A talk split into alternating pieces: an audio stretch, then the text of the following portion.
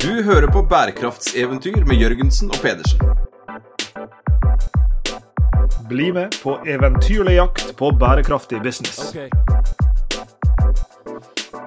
Vi kan aldri få nok sosial bærekraft i dette livet, Sveinung. Verken i, ja, verken i livet eller i denne podkastserien. Og, um, og, vi skal inn i S-en i ESG igjen i dag, og, og da skal vi ja, snakker om en, en del ting knytta både til sosial bærekraft og i forlengelsen av det også økonomisk bærekraft. Og De to tingene henger jo tettere sammen eh, enn en kanskje tenker på sånn umiddelbart. Og mens jeg gikk rundt i svime i ung alder, så befant jo du deg eh, dypt inne i en del av det norske samfunnet som handla veldig mye om sosial bærekraft. Det var jo eh, der du kom fra når jeg først traff deg. Ja, det er jo ikke noe hemmelighet at jeg kom rett ut av TenSing med, med, puppen i været og så havna på et eller annet merkelig vis på, på Tyrili, Tyrili-kollektivet oppe, i Mesnali. jeg husker en av de første opplevelsene der oppe.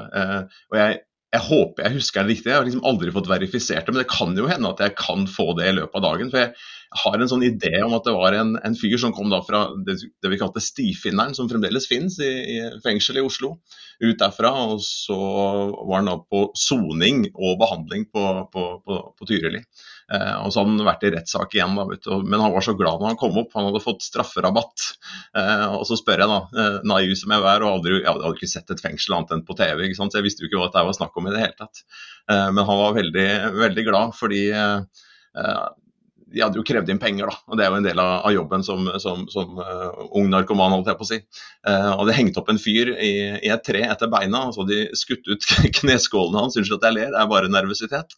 Uh, og, så, og, så, spurte jeg liksom, ja, hvordan du endt opp med strafferabatt? Da? Nei, han fyren som hang opp ned der med blødende knær, han hadde fått en sigg av han der, han, da, eleven på Tyrili. Og det syns dommeren var så hyggelig gjort, og det syns jo også han, der, han stakkaren som hang i treet, det var veldig hyggelig gjort. Så han kom ut av dette her med, med strafferabatt. Og, og, Det var liksom min vei inn i en, en, en, litt annen verden enn det jeg hadde vokst opp i. for å si det sånn. Vi, vi, vi gikk jo rundt i svime begge to, Lars Jakob, på hvert vårt sted geografisk. Men det å møte den, den verden der, med, med, kjærlige mennesker, med mennesker som har vært uh, utafor, uh, og det å jobbe for å forsøke å hjelpe dem uh, tilbake til noe annet, det, det er jo min liksom, tidlige oppvekst. Og, det, og, og, der skal vi litt inn i dag også, noen som har gått opp, kanskje ikke akkurat den ruta med å skyte folk i kneskålene, men i det hele tatt har vært litt ned den veien, og så snudd sjøl, og så hjulpet veldig mange andre også til å snu. Så derfor gleder jeg meg veldig til dagens samtale. Og Arman Westad, velkommen skal du være. Tusen takk. Takk for at jeg får lov å komme. Dette her har jeg virkelig gleda meg til, altså. Du eh, har jo vært eh, åpen. Eh, Går du inn på talerlisten.no, så, så, kan man jo lese dette her. og Vært åpen om en, en, en, fortid her. Hvis du skulle tatt oss med litt eh, inn i den fortida, hvordan, hvordan, ville du fortalt den? Nei, Jeg ville kanskje istemt det som eh, det eksempelet du starta med, med, først her nå. Selv om ikke jeg har skutt noen i kneskålene, så kommer vi fra samme sted. Stifinneren, en eh, rehabiliteringsavdeling i Oslo fengsel. Og um, da hadde jeg jo levd et liv som var fullt av rus og kriminalitet, eh, med mye fengselsopphold. Eh, og jeg hadde en rekke overdoser bak meg. Eh, og jeg tjente mye penger på kriminell virksomhet.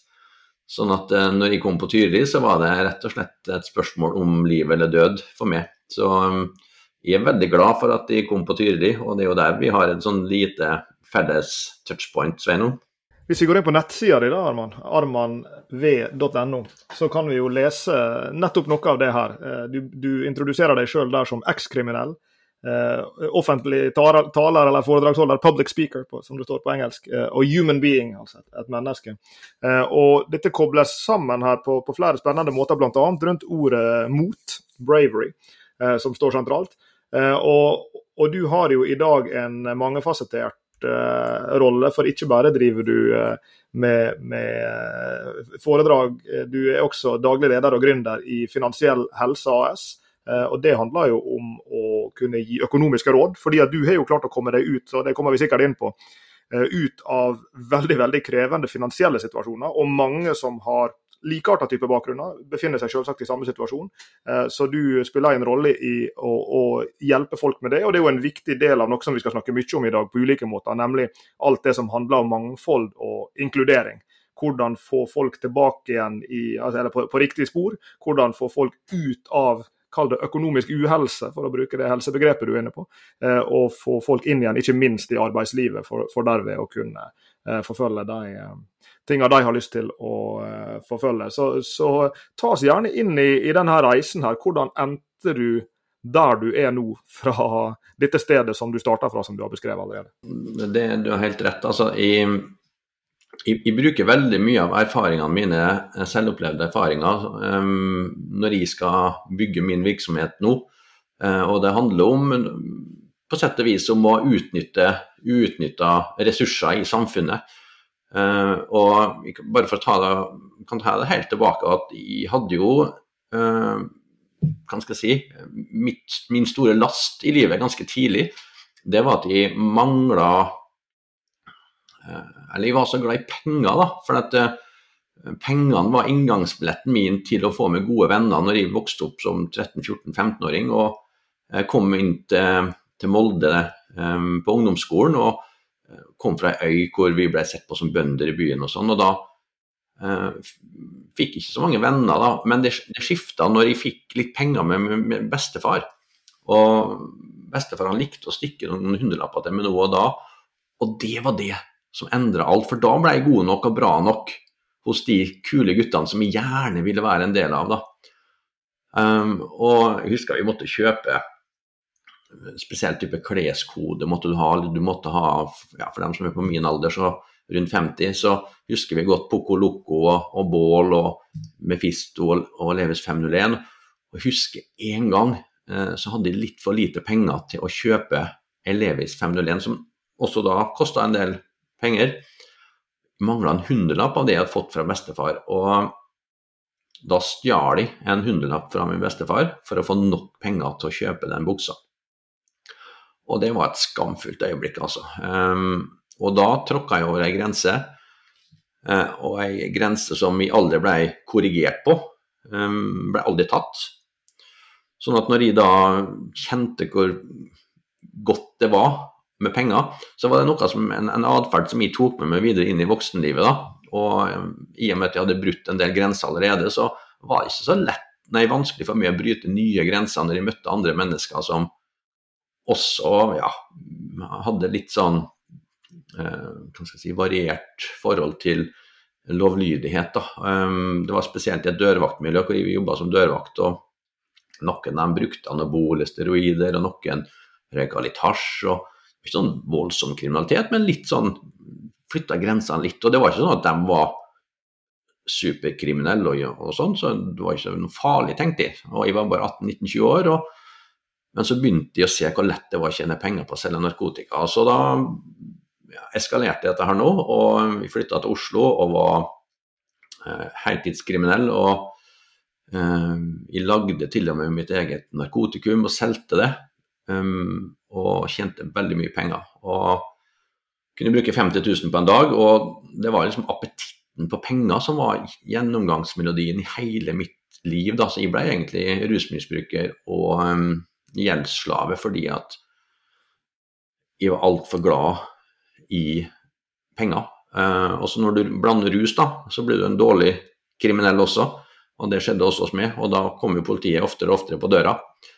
Eh, og så mister du kontrollen over livet ditt. Og det var da jeg fikk en heldig mulighet til å, å snu livet mitt. Um, hadde jeg ikke klart å snu livet mitt, så tror jeg kanskje at jeg ikke hadde sittet her i dag. Da. Så det å få den muligheten på stifinnen gjennom Tyrili, det, det redda livet mitt, selvfølgelig. Og uh, jeg møtte en del mennesker som var ekstremt viktige for min rehabilitering, da. Det kan man jo si.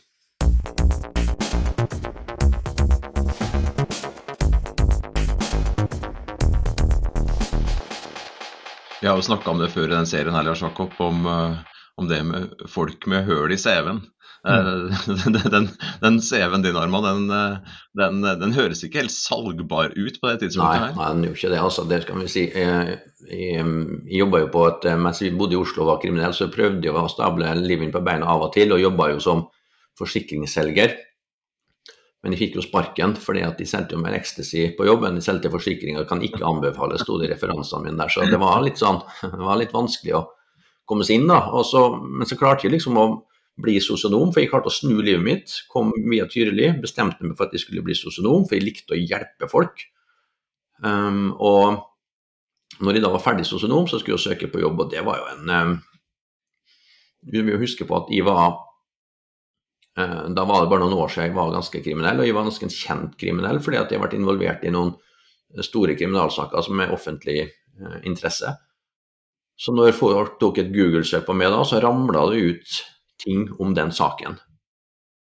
Um, og da jeg skulle søke på jobb, så um, bestemte jeg meg for at jeg skulle søke på jobb som gjeldsrådgiver i Nav. og akkurat da så hadde jeg faktisk to millioner kroner i gjeld sjøl. Men den har en liten sånn historie, den òg, fordi at jeg klarte å slutte med alt. Jeg var ganske god i rehabiliteringa, for jeg hadde bestemt meg at nå skal jeg gjøre alt rett. Bygge nettverk, jeg skal ordne familieforholdene, jeg skal slutte å ruse meg, jeg skal ikke tenke kriminelt lenger, jeg skal gjøre alt riktig. Men det var én ting jeg ikke turte å be om hjelp til, og det var pengene. Pengene var en del av identiteten min. altså Det var det som betydde noe for meg. Eh, selvfølelse. Alt handla om penger for meg. Så nå hadde jeg ingenting igjen og følte meg helt ute. Og så fikk jeg noe som kalles en gjeldsordning, da, der du får muligheten til å leve på et minimum i fem år, og så får du sletta resten av gjelda. Men det krever at du gjør noen små ting, at du betaler det du har som overskudd da, i den perioden. Og mm, det klarte jeg jo ikke jeg. fortsatte å bruke penger som før. i. Og det resulterte i at jeg fikk et varsel fra Lindorf som administrerte denne her gjeldsordninga, at hvis ikke du betaler noe, så annullerer vi hele greia. Og da fikk jeg dødsangst, egentlig. Og det var da jeg bestemte meg for at jeg skulle lære meg alt også innenfor penger.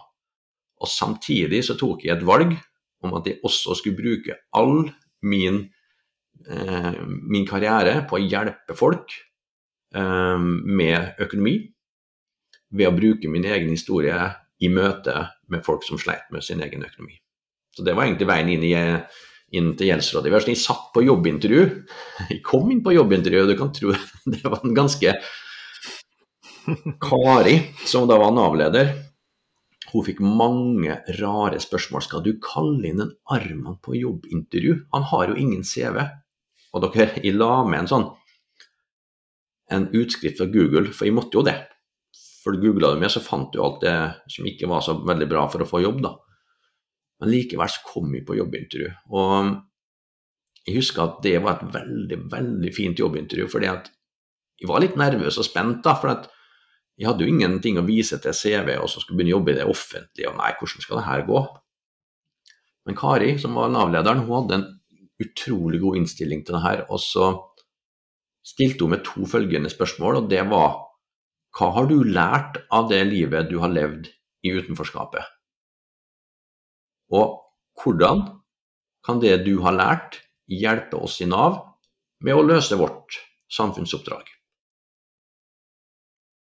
Og det forandrer jo dynamikken fullstendig i jobbintervjuet. Fra å være en sånn en, et jobbintervju, en session der jeg prøver å gjemme hullene mine og håper hun ikke spør om det. 'Å nei, hva skal jeg finne på her? Må jeg lyge her?'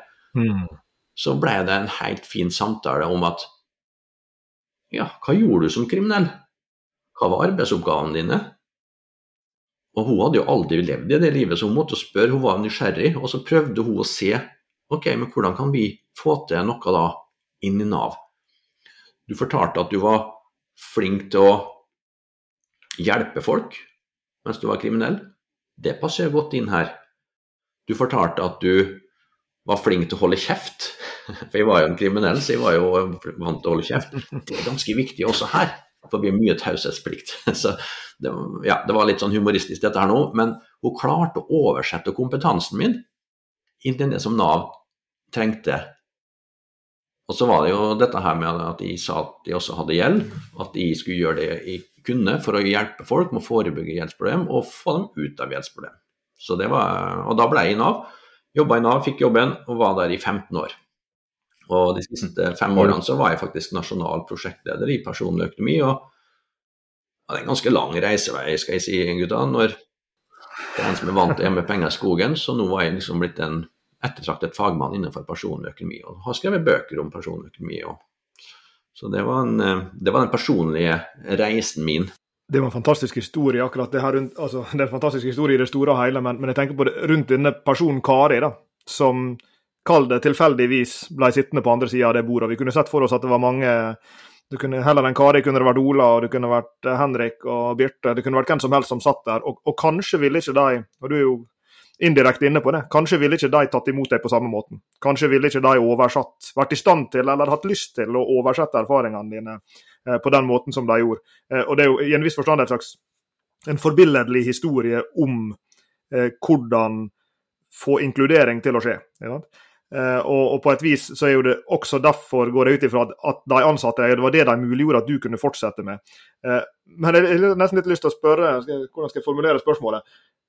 Hvordan skal vi sørge for at det blir mange flere Karier der? For jeg, jeg innbiller meg at enten det er på et Nav-kontor eller det er i høyere utdanningssektoren som jeg og Sveinung sitter i, eller samme hvor det er hen, og du skal møte saksbehandlere og du skal møte folk som skal ansette, at det her å få folk til å se potensialet da, i noe som er veldig annerledes enn det de pleier å få sittende overfor seg.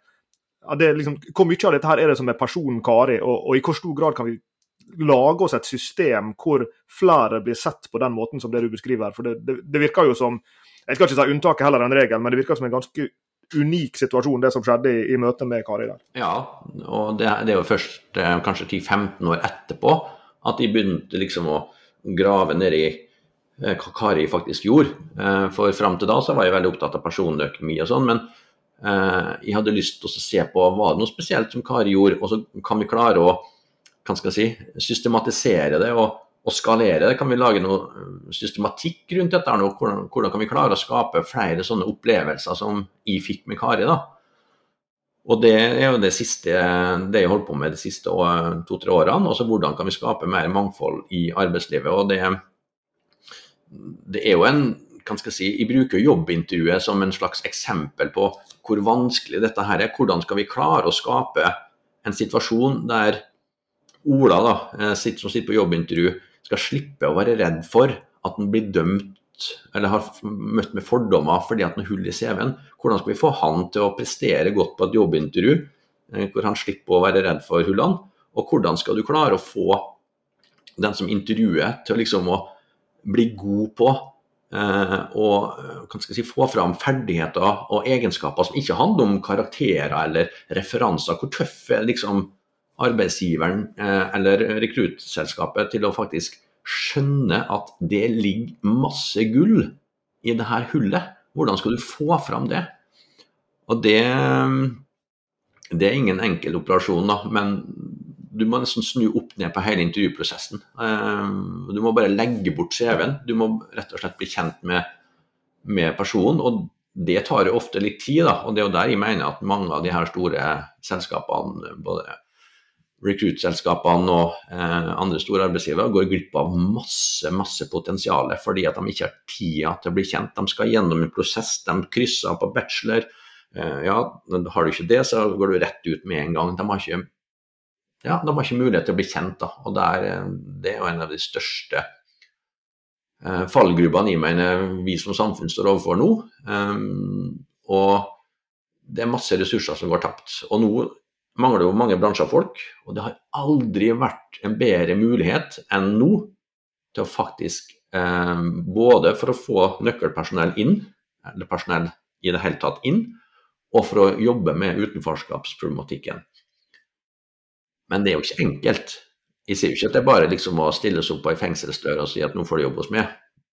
Det er ikke sånn det funker heller, selv om det kunne vært en del av løsninga.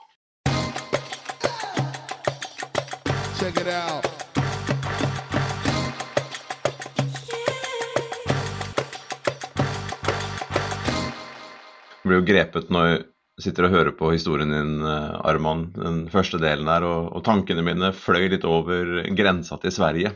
Når du fortalte om dette pengejaget og, og det å føle seg inkludert.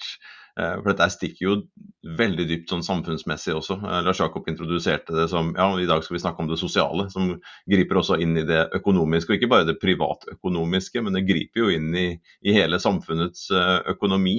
Og vi leser i hvert fall overskrifter fra, fra, fra Sverige om disse ungdommene som hva er det det står i overskriften? Dreper for, for Gucci. Altså sånn der, den, den, den fortellinga du forteller deg, det ekstreme utenforskapet fra ungdom da, og, og, inn der hvor man sitter som tidlig voksen eller voksen og som skal prøve å få seg jobb. Har du gjort noen betraktninger du om, om dette utenforskapet i hele samfunnet, altså sånn under overskriftene i Sverige også? Ja, altså, og jeg tror ikke det er så veldig ulikt i Norge heller. Um, det er jo et samfunn som er ja, nå setter jeg litt sterke ord, da, men det er pengedoping. Altså det, alt koster, da. Um, og det er klart at skal du leve opp um, til en del ting her i livet, så er jo tjukkelse på lommebok ofte det som er styrende. Og, og det her blir jo etablert ganske tidlig i ungdomsårene. da, og Nå har jo jeg blitt um, 50 og har egne barn, og de er jo på full fart på vei inn i det her merkevarepresset. Og jeg hørte jo i går at jeg hørte to-tre nye sånne klesmerker som jeg aldri hadde hørt om, som var, noe som var veldig hot. Og de kosta jo 3000-4000 for en sånn joggedress som folk skulle ha. Og det måtte de ha. Ja, men så, de, så, finnes det litt sånne kopi, lignende greier på henne som Maurits, men det kunne de ikke ha, for det var kopivarer, på en måte, så de måtte ha den til 3000-4000 kroner. Ikke mine barn ennå, men eh, noen andre ungdommer som hørte. Så det er klart at det ligger et kjempestort ansvar for, på foreldre, eh, på, på, skole. Altså Skole må bli enda flinkere til å snakke om uh, penger på skolen. Uh, og, og, det handler ikke bare om å sette opp et budsjett. Det er det minste problemet. For de aller, aller fleste som kommer opp i økonomiske problemer, de kan jo regne. De skjønner jo at to pluss to er fire. Så det, det, er, det handler bare om at penger og følelser henger så nært sammen til hvordan vi føler oss om vellykkethet. da. Og så er det dette her med evnen til å kunne be om hjelp når ting blir vanskelig. Det er ekstremt vanskelig å be om hjelp. Og hvis du skal be om hjelp med pengene, så er det enda vanskeligere. Og det var litt av grunnen til at de hoppa av Nav-toget for ja, det er en annen historie. Jeg sa jo opp jobben min i Nav um, seks uker før pandemien kom, for å starte et eget selskap um, som ikke har noe tradisjonell um, Hva skal jeg si da Det jeg skulle gjøre, det var at jeg skulle hjelpe lønnstakere, arbeidstakere, med å rydde opp i deres økonomi, hvor bedriften skulle betale for mine tjenester. Og det, ikke, det er ikke tradisjon for at bedriftene skal betale for det her i Norge. Så det var et helt, helt nytt marked. Så jeg måtte bruke ganske lang tid på å la næringslivet få bli kjent med tematikken og smake på det her. og skrev kronikker om tematikken og sånn. Um, men så sa jeg opp jobben som sagt da, 1.2.2020 for å jobbe med dette her nå. Og jeg fikk en ganske, fikk en ganske hard start, og kona sa det var dårlig timing, um, og blei permittert selvfølgelig, for jeg hadde jo ingen, ingen kunder. Og, men grunnen til at jeg gjorde det her, det var at jeg så at Nav kom altfor seint på banen når det gjaldt å hjelpe folk. For kom, folk klarte ikke å be om hjelp for det var så skambelagt. Og noen ba aldri om hjelp og tok livet sitt. Eh, så da bestemte jeg for at jeg måtte gjøre noe annerledes. Jeg måtte ut av Nav-systemet, nå hadde jeg gjort jobben min der, og nå skulle jeg etablere meg sjøl. Og så skulle jeg jobbe ut mot arbeidsgivere og banker mot sårbare kunder. Og, det, og, da jobber vi med akkurat dette her nå, å adressere skamfølelse. Det å få folk til å skjønne at det å ha økonomiske utfordringer, det er ganske vanlig fra tid til annen. Men aller aller viktigste vi gjør, da, er å tørre å be om hjelp. Det slår meg, Arman, her er et forskningsområde på dette som de kaller for financial literacy. Her er vel ikke et godt norsk ord for literacy, men altså evnen til å forstå finansielle altså privat, privatøkonomiske da, forhold. Eh, og Der er jo det store forskjeller både mellom land og selvfølgelig også mellom folk. Eh, og Det er jo vist å være utrolig viktig dette her å forstå. Ja, det kan være alt fra noe så enkelt som at du betaler rente på kredittkortet ditt til eh, altså, alle mulige slags forhold knytta til privatøkonomi. Og, og, du har jo både fra egne erfaringer da, og det å ha jobba med andre som, som, står i disse situasjonene. Hva er din sånn førstehåndsdiagnose, skal skal ikke si det, men hva, hva er de vanligste problemene du ser eh, hos, hos de du har erfaring med? Hva er, det, hva er det typisk som er punkter hvor det låser seg og hvor det blir vanskelig. Du er jo inne på dette med skam, som jeg syns er veldig veldig spennende. Dette her med å ikke En har ikke lyst til å snakke høyt om at en ikke får det til eh, økonomisk, og det, og det kan jo i seg selv være en kjempestor bremsekloss. Og, og, og, på andre områder kan det være, være andre, andre, ting som står i veien. Kan, kan, du ta oss litt med inn i hva du ser som liksom, problemer som må, må, løses her for, for disse enkeltindividene og familiene det gjelder? Ja, det er et, et, stort spørsmål, selvfølgelig. Men jeg tror at øh, mye av det som du snakka om, literacy, altså kunnskapen, det er veldig viktig å ha på plass. Og så er det viktig å koble på den som handler om følelser. da. Eh, for pengeproblemer oppstår jo ikke i et, uh, i et, vakuum, på en måte. Um, de oppstår som en del av den kulturen vi er en del av, og det samfunnet som vi er en del av. Og derav sammenligningssamfunnet. At vi tror at alle andre har det så mye bedre. Vi ser at naboen har kjøpt seg ny bil, eller drar på en ny sydentur, eller drar til Kitzbühel på skiferie. Og så tenker vi kanskje ikke over at de også har lånt penger til det her, kanskje. Fordi at de også har sett på sosiale medier at uh, sine kamerater gjorde det samme, som kanskje også var lånt. så det sånt, sånn, kan være et helt falskt virkelighetsbilde. da. Bare som ha det som bakteppe. Men når ting skjer i livet, livsbegivenheter som er krevende, det er da vi ser at folk får utfordringer med økonomien. Um, det kan være samlivsbrudd, det kan være arbeidsledighet, det kan være sykdom. Um, det er en rekke ting som skaper mentale påkjenninger, hvor den, si, den mentale båndbredden blir påvirka.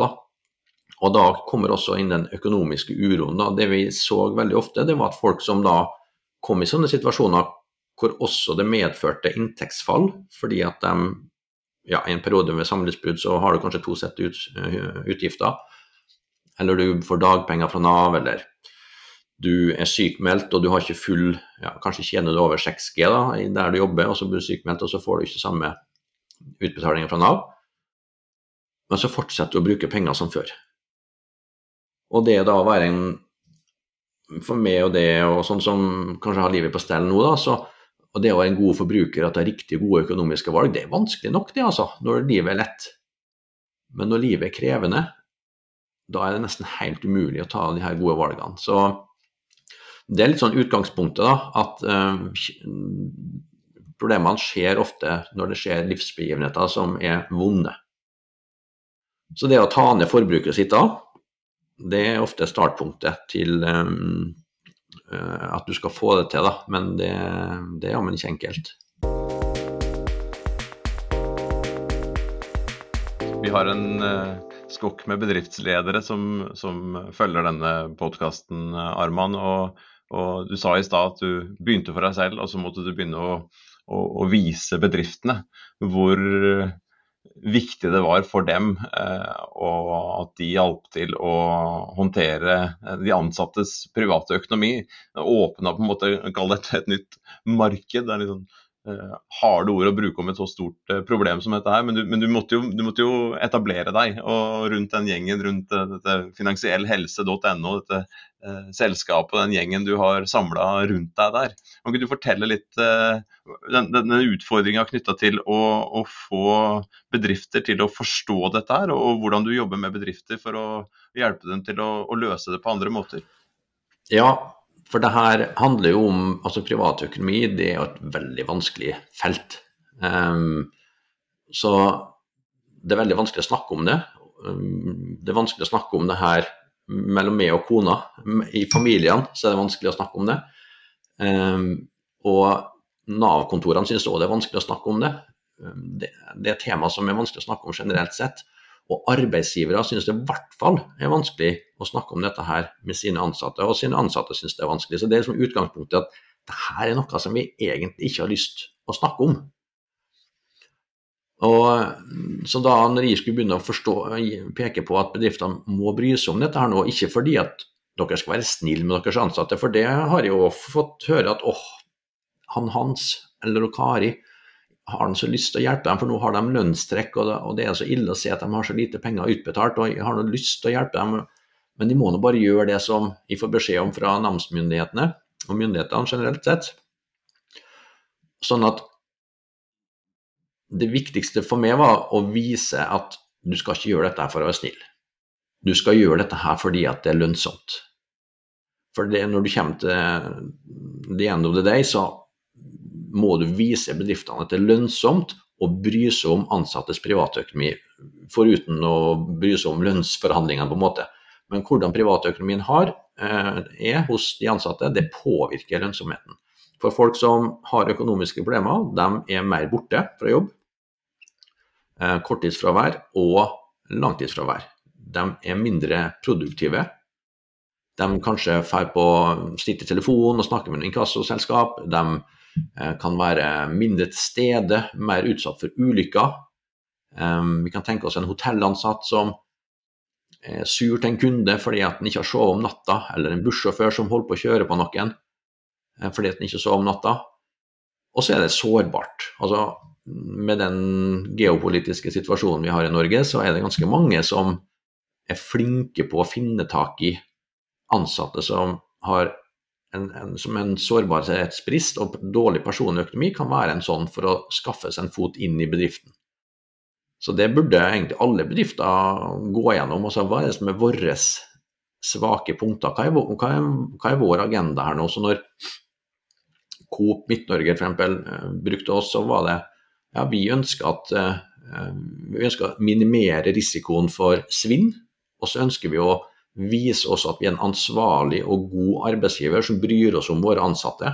Det tror vi også kan bidra til at det blir eh, lettere for oss å rekruttere nye folk også, fordi at folk vil jobbe hos en bedrift som tar vare på oss, også i dårlige tider. Da, tider da. Så det var en lang vei å gå, men nå er det ganske, nå er det ganske mange som har sett at dette er viktig, nettopp pga. inflasjon og dyrtida vi er inne i nå. Det var ikke sånn for to-tre år siden når jeg starta opp. Da var det null prosent i boliglånsrente, og folk eh, tenkte er det her noe å snakke om, da? Nå skjønner bedriftene at det her må vi faktisk snakke om. Her er jo to, Jeg har lyst til å bygge en liten bro, jeg, Arman, for her er jo to uh, sånn timingmessige ting her nå, som, som, du, som du sier. Akkurat nå er vi på et, et veldig veldig sårbart sted i, i økonomien. For samfunnet, men, men ikke minst for, for husholdningene. Og så sa du i stad et annet timingmessig poeng, og jeg skal prøve å bygge en bro mellom dem, så sa du at aldri har det vært en bedre tid enn akkurat nå for å forsøke å legge til rette for denne inkluderinga. Eh, og, og, disse to tingene her henger jo sammen, som du har vist oss veldig godt. Altså disse større eh, utenforskapsproblemer som du var inne på i stad, og, og, disse økonomiske uh, utfordringsbilder da, som du beskriver her, som, som går helt fra nær sagt enkle, jeg mener ikke enkle i det hele tatt, men, men vanlige hverdagslige økonomiske utfordringer for en familie, og helt til det at, som du var inne på, at ja, det kan jo være starten på Eh, på, på, større problemer. Det, det, kan være i en viss forstand inngangsporten til større eh, sosiale utfordringer som kan føre til utenforskap. Og, og På et tidspunkt da, der vi står eh, nå i, i disse, to, disse, to, timingene du peker på, så, så har jeg litt lyst til å eh, utfordre deg på, fordi du har, du har en unik erfaring her, både fra egen bakgrunn med utenforskap, 15 år pluss med å ha sittet i Nav-systemet og sett alle disse andre mennesker som på ulike måter også er Eh, faller utenfor. Og nå også da som, som eh, daglig leder og, og, gründer i dette selskapet som, som, skal forsøke å hjelpe de som, som på ulike måter har, har, økonomiske utfordringer. Hvis du skulle forsøkt, og nå husker jeg at du sa i stad at det må mer til enn å stå utenfor fengselsdøra og ta imot folk. Inkludering krever mer enn det. Hva er liksom, løsningene du skulle ønske å se i samfunnet rundt deg. Liksom, kan velge å ta på deg en sånn statsminister for en dag-hatten om du vil. Ikke nødvendigvis politisk grep, altså, men, men, hva er det vi mangler? Er vel, er vel det jeg prøver å spørre om. Så det ble, en, det ble, en, lang vei til spørsmålet her. Men hva er det vi mangler, sånn du ser det, som samfunn, for å legge til rette for denne inkluderinga som, eh, som, du har satt ord på her? Oh, det var et uh, stort spørsmål. Ja, det, det var, var, litt sånn eh, Det var sklitakling, det der, altså, men, men det er fordi, det er fordi jeg, jeg, hører deg sette ord på så mange viktige ting. Og så tenker jeg sånn hva, Hvis du kunne tatt noen grep, eller hvis du kunne bedt om at det skulle tas noen grep, hva er, liksom, hva er det som kunne monne, tror du, for å, for å, hjelpe folk inn igjen i, eh, på riktig, riktig kjøl? Nei, altså Først og fremst så syns jeg at arbeidslivet generelt sett har en, en, et stort potensial i å løse store samfunnsutfordringer. Altså, vi, altså Gjennom trepartssamarbeidet så har vi jo løst store samfunnsoppdrag før, altså røykeloven og, og, gjennom Akan og alt dette her nå. Men det her å skape åpenhetskulturer Ja, dette, er veldig, dette er veldig spennende, fordi det, er, sagt, det, det er litt hit jeg ville. Og, og jeg, nær sagt, jeg, jeg, jeg, innser at jeg stiller et spørsmål som er så stort at det blir nesten umulig å, å, å, å behandle det. Men for å, for å, peke tilbake til en tidligere episode vi har hatt med Lars-Erik Lund fra, fra Veidekke, som har jo vært en, en talsperson for, for inkludering, så, så, husker jeg at Sveinung kom inn på disse utfordringene i at ja, det er så lett å være enig i prinsippet i inkludering i arbeidslivet. Og så er det så vanskelig i praksis å få ja, denne Karien da, som sitter på, på andre sida av bordet, alle disse Kariene som sitter rundt og skal, skal, ansette, hvordan få til den kulturen. Så jeg, jeg liker at du setter kulturmerkelappen på det. for Jeg, jeg tror virkelig at det er noe der som, som, er, så, eh, som er så inngrodd, og som en må komme seg forbi. da. Ja, og hvis en skal ta dette her med f.eks. mangfold i arbeidslivet, da, så altså det må jo det må bestemmes på toppen. dette. Det må være en del av en strategisk beslutning i bedriften. Um, ellers så blir det bare sånn um, personavhengig, at du har noen som har ansatt en person f.eks. med hull i CV-en hvor det gikk ganske bra, og som da etter hvert begynner å etablere en sånn praksis på kanskje å være god på det, da. Men hvis det skal virkelig monne, når vi nå har ja, nå har vi 100 000 unge som står utenfor arbeidslivet, pluss vi har 350 000 på uførepensjon i Norge. Og jeg mener at vi kan massevis av de folkene som står på uførepensjon, Eh, kan begynne å jobbe i større eller mindre grad. Eh, så da å rette Ja, vi må, vi må få det helt øverst på agendaen. Og da kan bedriftene f.eks. si at ok, vi bestemmer at 10% av alle nyansettelser her skal komme litt fra en annerledes prosess. Og så Som bedriftseier, da, så, så, det å tørre å gå inn i det her og si at vet du hva, vi, vi mangler en hel haug med folk vi nå. Eh, og mangel på folk og mangel på ressurser er jo faktisk virksomhetskritisk framover. Og hvordan skal vi da klare å leite? Mm. Jo, da må vi faktisk begynne å se etter de ressursene som ligger utenfor skapet. Og så er det en del sånne begrensninger som ligger der, da, at uh, uten at den skal bli noe politisk, så å være motstander at alle skal ha fulle og hele stillinger, så, så, er det en del begrensninger som ligger her nå, tenker jeg med at uh, min målgruppe, da, ekskriminelle eller folk med hull i CV-en som kanskje ikke klarer å jobbe 100% og som ikke som heller, og som også trenger en arena hvor de kan, uh, hvor de kan få vist det fram. Det er litt vanskelig for dem nå når bemanningsdirektivet har slått i kraft. Og det her. Så, og det tror jeg nok var en utilsikta uh, virkning når de bestemte dette her nå. Så de her uh, barrierene, det må, vi, det må vi få fjerna nå Vi må få, få løst dette her. For det har vi ikke råd å sitte Det her kan vi ikke sitte og se på. Uh, og da tror jeg at uh, hvis Vi kan også se at Nav har en viktig rolle i å få folk ut i jobb, og attføringsbedriftene har en viktig rolle for å få trene folk opp igjen til jobb og sånn. Men jeg tror at bedriftene må ta et mye større ansvar sjøl uh, for å få tak i gode folk. Um, og da det som jeg har, av og til har savna når jeg holder foredrag om mangfold Alle er jo enige i at vi vil gjerne være med å skape gode Arman-historier. Men hvordan gjør vi det? Rent praktisk, hvordan gjør vi det? Så da har jeg engasjert meg i et um, Da måtte jeg nesten gjøre dette her sjøl. Altså engasjert meg i dette her nå, i et selskap som rett og slett hjelper bedriftene med å skape bro mellom utenforskap og inn i arbeidslivet. Og I det initiativet som vi nå bidrar i, så leverer vi gode folk fra utenforskapet til bedriftene. Og Tanken er at de her skal ha full lønn fra dag én. Kommer du, og Det er fint å ha tiltakspenger fra Nav og alt dette her nå, og det følger lønnstilskudd og sånn, men akkurat den delen som jeg har på jobb med nå, der vi tror det har noe med verdigheten å gjøre. at Hvis vi klarer å levere gode folk til næringslivet, så skal de ha betalt, godt betalt, som vanlige andre rekrutteringsprosesser. Og Det handler litt om verdighet, da, tenker jeg, i forhold til um, For den som ja, uh, ja, du kan, en, du kan jo få en jobb her hvis det følger noe lønnstilskudd, men jeg har egentlig ikke tid å følge det opp. Altså. Så hvis det er noe hassle med det her, så, så tror jeg ikke vi har tida. Så vi leverer da bra folk sørge for at de er arbeidsklare, og så leverer de ut i bedriftene, hvor bedriftene sjøl ansetter dem.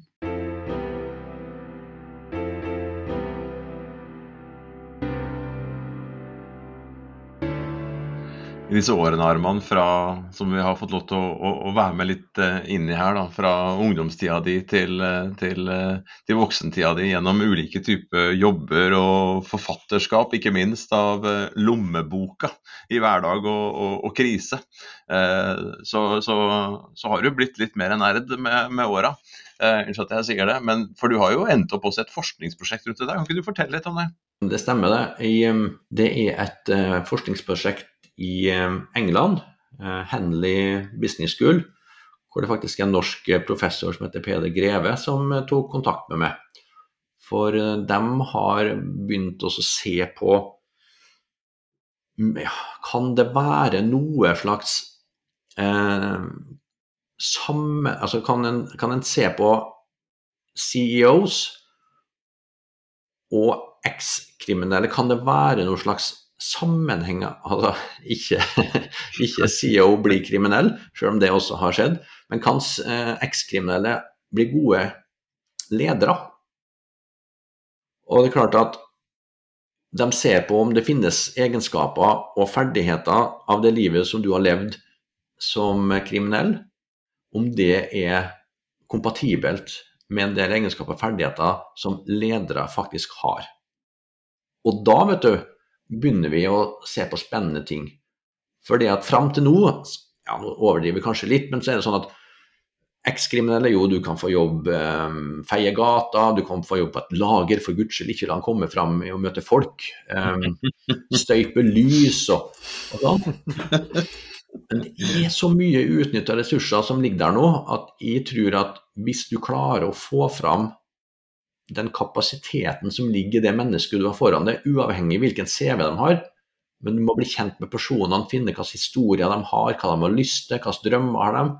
Så det er mange som blir gode selgere, de kan bli gode eh, jobbe i Nav, de kan bli flinke gründere, de kan bli flinke ledere. Altså Det finnes ingen begrensninger, tenker jeg. Eh, selv om vi alle skjønner at de ikke kan bli politi, selv om de sikkert kunne blitt gode politi. Um, så det, det syns jeg er veldig spennende med prosjektet, hvor du liksom utvider perspektivene på at ja, kan de faktisk bli gode ledere? Det hadde jeg ikke tenkt på før. Så nå skal vi da se på, uh, vi er på jakt etter bedrifter som har erfaringer med å ansette folk med ekskriminell bakgrunn. Men det, i Norge så er det ganske krevende, for um, det finnes ingen strategisk beslutning på toppen som gjør at vi har lyst til å jobbe systematisk med dette, her, verken med ekskriminell bakgrunn eller med en hullete CV. da. Så vi må nok se mer til utlandet, selv om Norge har kommet ganske langt i det her mangfoldsbegrepet da, eh, enn mange andre land i nærheten av oss. Så det betyr at dere er på jakt etter norske virksomheter, små og store, som eh, som har erfaringer her, enten det har ført uh, disse med kall det hull i CV-en rett til topps, eller eventuelt oppover i, hvis det, hvis det finnes en stige da, inn i, i mellomledelse f.eks. og andre posisjoner. Så, så, det du sier her, er at folk uh, kan ta kontakt hvis de har erfaringer. Gjelder det da også, et tilleggsspørsmål, type sosiale entreprenører som har gjort dette her sånn, som har spesialisert seg på det, eller skal det være mer Eh, ja, mainstream bedrifter og organisasjoner? Nei, begge deler. Så hvis det er noen bedrifter som har eh, erfaring med det, så er det bare kontakt. Men hvis det er noen som ønsker å få erfaring med det, så er det bare å kontakte også. For de hjelper jo da folk med hull i CV-en inn i bedriftene. Og de gjør jo dem da eh, sammen med selskapet som jobber i Future Skills. Vi gjør dem jobbklar. Vi, vi bruker min erfaring og, til å sørge for at de leverer godt gjerne godt over norm. Slik at det her skal ikke være noe sånn. Du skal ikke være redd for å bli frastjålet noe på jobb, eller at, um, eller at um, ansattgruppa di skal bli redd for at det kommer noen der. Men vi jobber også med ansattgruppa, hvordan de skal håndtere dette her, da, hvordan de skal ta imot nye folk med annerledes bakgrunn. Da. Og kanskje bli en viktig del også da, Arman, av, av denne jobben her. å fortelle i enda flere kanaler og på enda flere måter historiene rundt dette, altså suksesshistoriene. Du, du, gjør jo en stor jobb der både i foredrag og i bøker og på, på andre måter.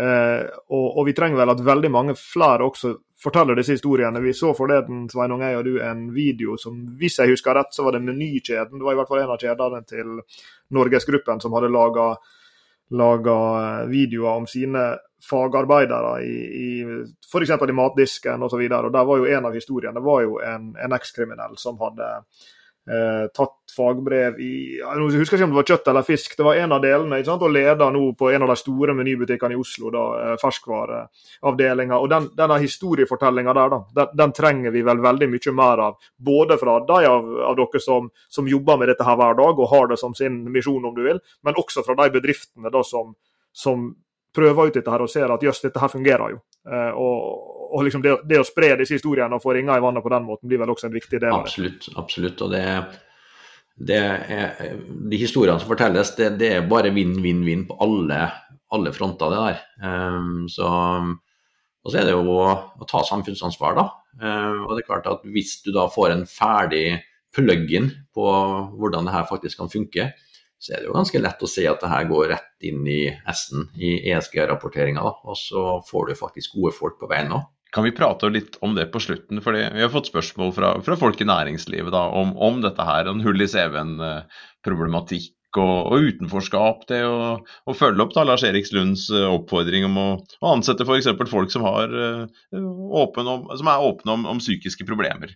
Og, og, og Jeg utfordra han også på, på podkasten her, husker jeg, og spurte liksom ja, det er jo ikke akkurat drømme, eh, drømmepersonen å få en jobb som da også en, er åpen rundt en diagnose om at, eh, at, at det å, stille opp og det å være sosial og det å kunne, ja, kunne være noen å stole på da, over tid, der har man noen utfordringer. Så På den ene siden så skal vi være åpne om det, og det er veldig bra. og Vi trenger jo dette her inn. Og på den andre siden så, så skal man da møte dette her både som den arbeidstakeren og som arbeidsgiveren. Og Du nevner dette med ansvaret her. Jeg, jeg lurer litt på om vi er, Hvor mye skal vi spille på dette mulighetskortet? Er det, er det muligheten som er den viktigste drakraften her, eller, eller, er det ansvaret? Det er ikke en kombinasjon der, tror du?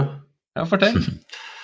Um, det å få inn personer som har andre bakgrunner, som har sett og opplevd andre ting, tror jeg er en kjempeviktig del av hele greia nå. Hvis du bare ansetter folk som har samme bacheloren eller samme, gått samme høyskolen eller bare BI, så blir det ikke så veldig mye mangfold heller, da.